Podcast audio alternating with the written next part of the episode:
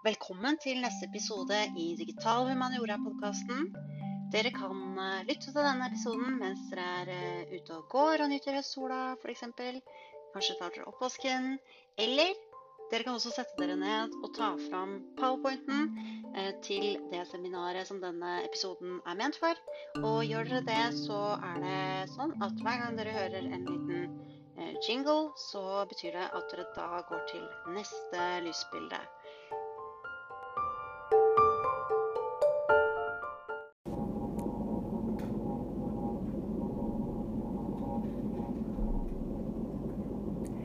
I tillegg til en katt som spiser, så hører dere nå lyden av Johannes Heldens Astroecology. Og hvorfor det?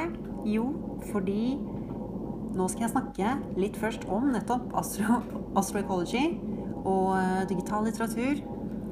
Som er en forberedelse til at Johannes Heldén eh, kommer på digitalt besøk på emnet. Og tredje kvalifiseringsoppgave, eller tredje obligatoriske oppgave, handler om digital litteratur og nettopp Johannes Heldens astroecology.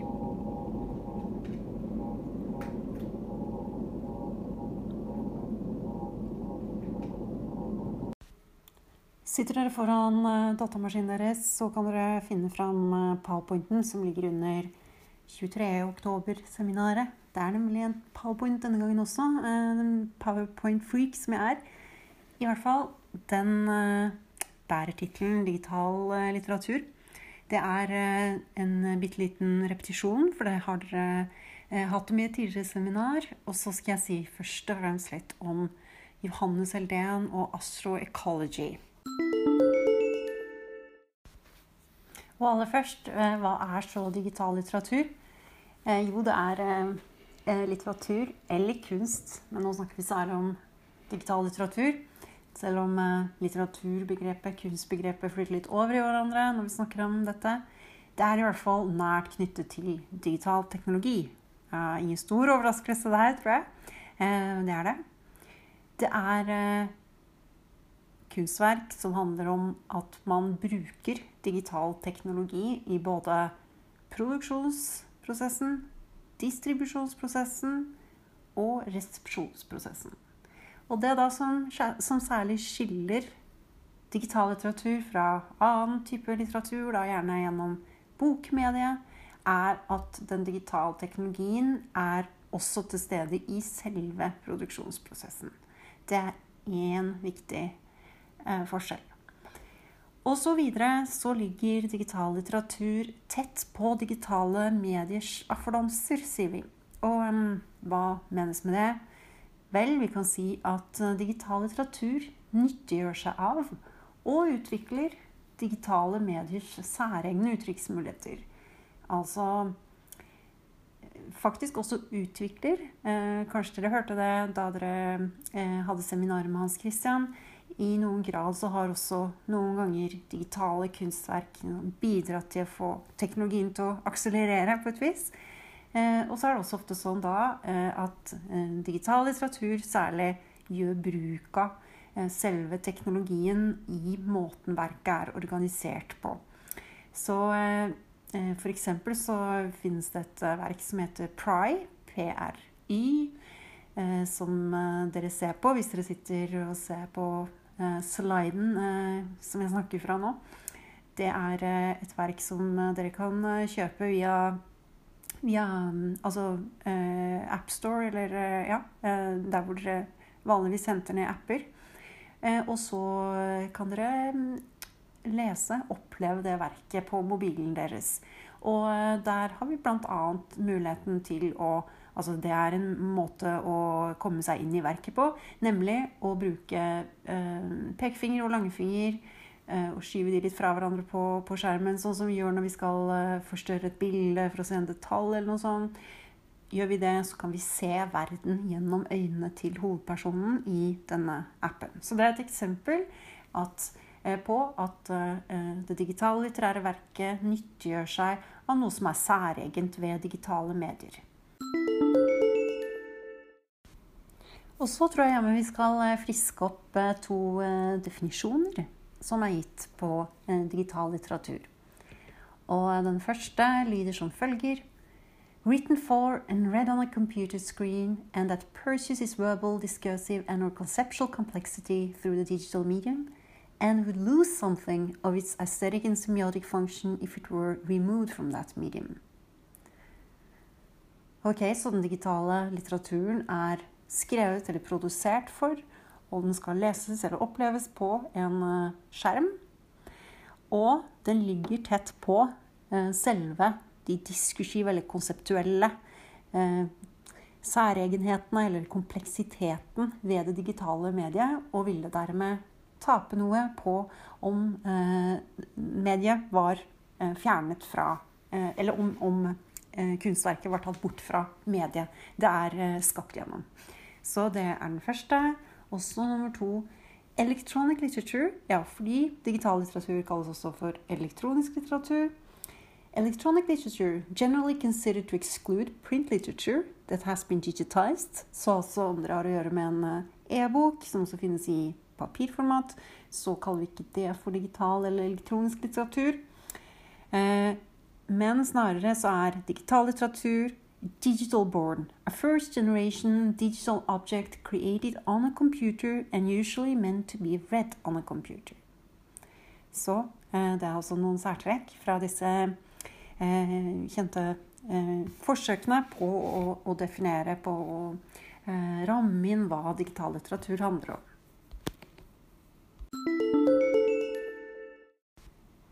Og så litt om Johannes Heldén.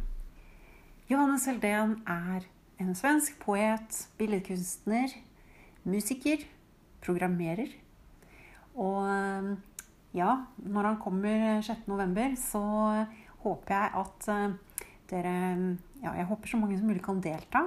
Altså, han kommer til å delta uh, Han kommer til å være til stede digitalt. Sånn er det i disse koronatider, men vi håper å gjøre det så, så vellykka og så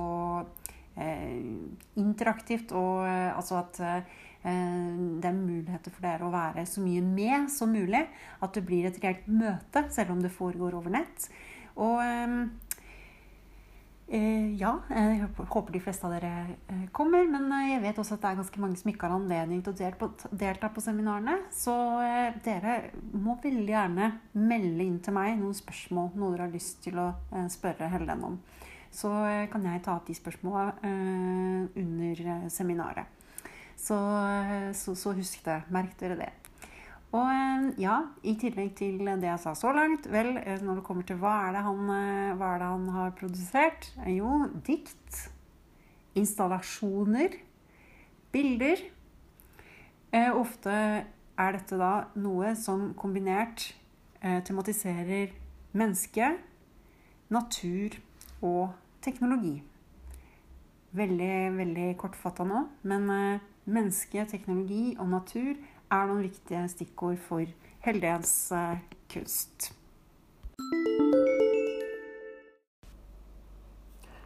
Jeg vet at eh, Hans Christian snakket til dere om eh, fire generasjoner digital litteratur.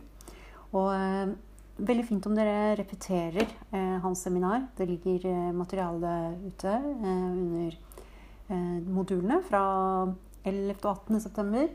Der finner dere en del stoff om det. Nå skal jeg bare si litt om uh, noe av det som er relevant, og særlig relevant for, uh, for Astro Ecology. Blant annet så uh, har dere hørt om multimodal og multimedial, altså multimodal skråstrek multimedial digital litteratur. Det er relevant når vi skal snakke om Astro Ecology. Og vi snakker da om at det er motivert av estetikk, altså det å lage multimodal eller multimedial digital litteratur. Eh, vi bruker, eller altså Kunstnerne bruker flere modaliteter, altså flere måter å uttrykke mening på. Og for så vidt også emosjoner. Og eh, affekter etableres på andre måter enn hva verbalspråket alene kan gjøre. Og når Eh, opplever astroecology, så, så, så, merker dere at det er flere modaliteter med en gang. Eh, det er eh, musikken, det er verbalspråket som kommer opp. Men for at det skal komme opp, så krever det at dere klikker. Da kommer det opp litt etter litt mer og mer poesi. Så eh, verbaltekst i form av poesi. Eh, det er avkrevd av dere en viss eh, altså interaktivitet. Dere må delta for å få verket til å drive fremover. Eh, det er musikk, og det er bilder. For å si noe om modalitetene, eller uttrykksmåtene, som sammen bidrar til å etablere affekter. Som bidrar til den estetiske opplevelsen dere får i møte med verket. Videre så er det også teknologisk aspekt. Altså I tillegg til estetikken så er det teknologien eh, som igjen, som jeg her nå har gjentatt noen ganger, altså som er til stede både i produksjonen, i distribusjonen eh, og i resepsjonen av verket. Altså datateknologien er fundamental for alle de tre, eh, på alle de tre nivåene.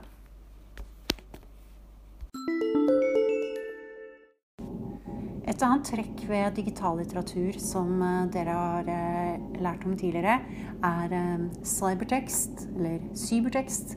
Og det er også relevant når vi skal gripe fatt i astroecology. Og hva handler det cybertekstuelle om? Det handler om å utforske muligheten for hva litteratur også kan være. Og hvem eller hva som kan skape litteratur. Hva skjer når eh, software-kodene er eh, så altomfattende eller så sentrale for, hvor i det hele tatt at vi kan oppleve verket sånn som vi gjør. Eh, for at verket er produsert sånn som det er.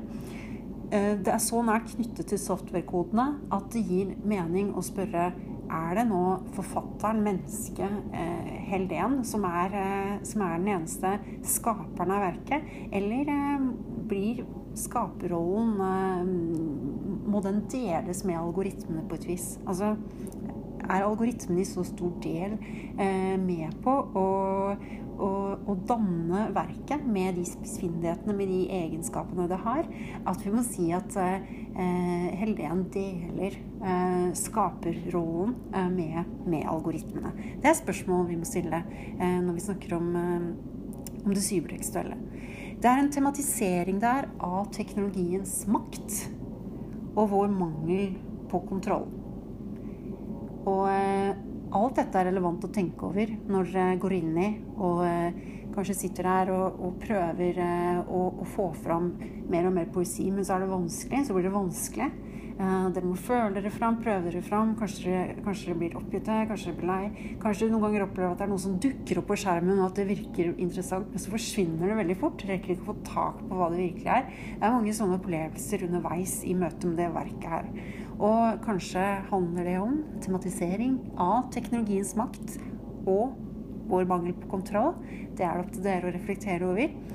Eh, videre det kan skape en følelse av ubehag av overraskelse og fremmedgjøring. Vi, ofte, altså vi kjenner til at litteratur har ofte søkt å gjøre det, og, altså kunst. Eh, og, og, nettopp eh, få oss ut av vanetenkningen.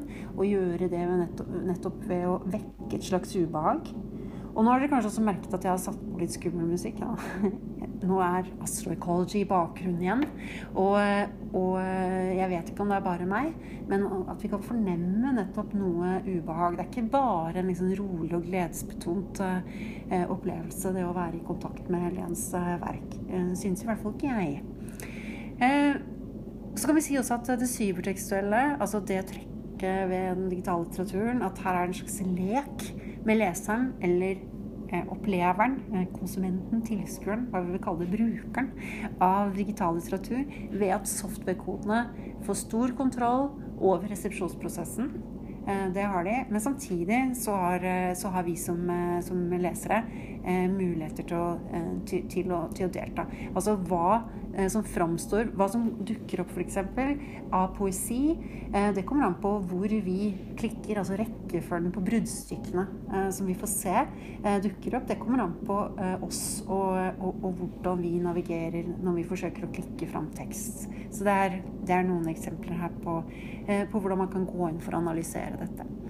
Um, det er da også ved det, altså det cybertekstuelle elementet. Da tenker vi også på at det er organisering av tekst, slik at man kan analysere mediets innvirkning som en integrert del av den litterære dynamikken. Og det er egentlig det eh, jeg nå har snakket om. Altså at selve verket er organisert på en sånn måte at mediet er ikke bare eh, en, eh, et middel for å få fram et budskap.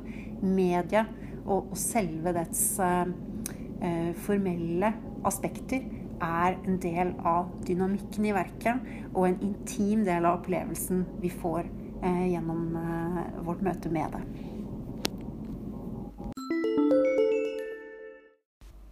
Og så den oppgaven dere skal jobbe med til dette her. Eh, den eh, lyder som følger Eller dere skal gi en analyse av astroecology. Og der er det tre punkter eh, som dere skal ta i betraktning når dere gjør deres analyse. Og eh, det første er Det går an å si at ett tema blant flere i astroecology er bekymring for vår planets framtid. Beskriv noen av måtene verket får fram dette på. Ja, bekymring for vår planets framtid. Noen måter verket får fram dette på. Det er det første. Nummer to. Hva gjør den mediale organiseringen med din opplevelse av verket? Og med medial organiseringen så presiserer jeg under at jeg mener f.eks. hvordan sammenkoblingen av modaliteter eller uttrykksmåter som musikk, verbaltekst, bilder og softwarekodene eller teknologiens innvirkning på hvilke muligheter du har til å ta deg fram i kunstverket. Ok, Så det er, det er nummer to.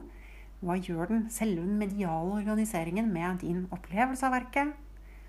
Og til slutt, nummer tre er det sammenhenger mellom tematikk og medial organisering i og av astroecology. Høres det spennende ut? Det håper jeg. Eh, det er bare å eh, ta fatt på dette. Og, eh, ja, og ikke minst å tenke ut gode spørsmål til Helden.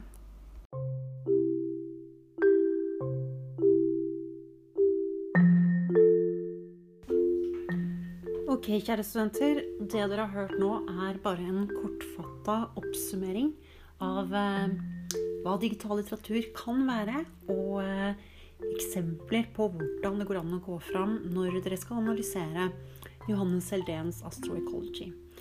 Så jeg vil på det aller sterkeste anbefale dere alle at dere går inn og eh, repeterer materialet som Hans Christian eh, har lagt ut fra hans seminarer det var den 11. og 18. september. Der er det også en podkastepisode som dere kan høre på. Og det går mye mer i dybden. Altså han går mye mer i dybden der enn hva jeg har gjort nå. Så for å forberede dere til eh, det som skal skje videre, nemlig at vi skal jobbe med digital litteratur, eller at dere skal også da selv analysere eh, astroecology, så, eh, så, ta fram Hans Christians materiale og fordyp dere i det. Det er en veldig god forberedelse eh, til å kunne skrive en god analyse av Heldens eh, verk. Ja, hva mer skal jeg si til dere nå? Jo, hvis dere nå går inn på Canvas under filer, obligatoriske oppgaver, så finner dere, der, så finner dere nå oppgave to. Og eh, oppgave to er jo da på en måte den tredje ikke sant, i rekka. Så det er den neste oppgaven dere skal skrive. Eh, ja, men altså Når jeg nå ser på min kalender her jeg sitter nå og spiller inn dette, så viser den lørdag 24. oktober. Og, eh, og da tenker jeg over at i går eh, ved midnatt så var fristen for å levere oppgave 1, eller oppgaven deres om kollokasjoner. Og jeg må bare si at jeg gleder meg veldig til å se hva alle har gjort og fått til med den. Og så får jeg også litt dårlig samvittighet, da. For når dere akkurat kommer til mål med ett arbeidskrav, og så begynner jeg å mase med det neste.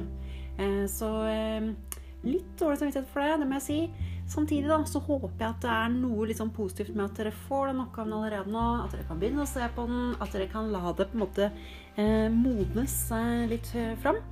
Og, eh, og, dermed kanskje merke at dere litt etter litt ikke trenger å stresse med oppgaven, men at uh, dere merker at refleksjonen deres uh, fordyper seg gjennom at dere både uh, hører på podkaster, har vært på seminarer for de som har vært det, at dere skal få møte Helden, og at dere da til sammen har egentlig ganske god tid på neste innleveringen. Så, så det håper jeg da at det fungerer sånn. men likevel Eh, litt dårlig samvittighet. Nei da. Men ok, eh, i forbindelse med besøket av eh, Helen, eh, 6.11. altså, da skal vi sørge for å ha gode Gjøre alt vi kan for å ha gode eh, lyd- og bildefasiliteter. Altså en god videokonferanse. For han må jo være med på, på Zoom, da. Det er vel ikke noen stor overraskelse i, i disse tider at, eh, at det må bli sånn. Men vi skal uh, virkelig få til et bra seminar der det kommer til å være en uh, fordeling um, på den måten at Helen kommer til å lese opp fra verket sitt. Han kommer til å ha en framvisning. Og så blir det også denne viktige spørsmål og svar-session, der dere kan komme med deres deres bidrag. Altså hva lurer dere på? Refleksjoner dere har, som dere har lyst til å dele med han, høre hva han tenker om, osv.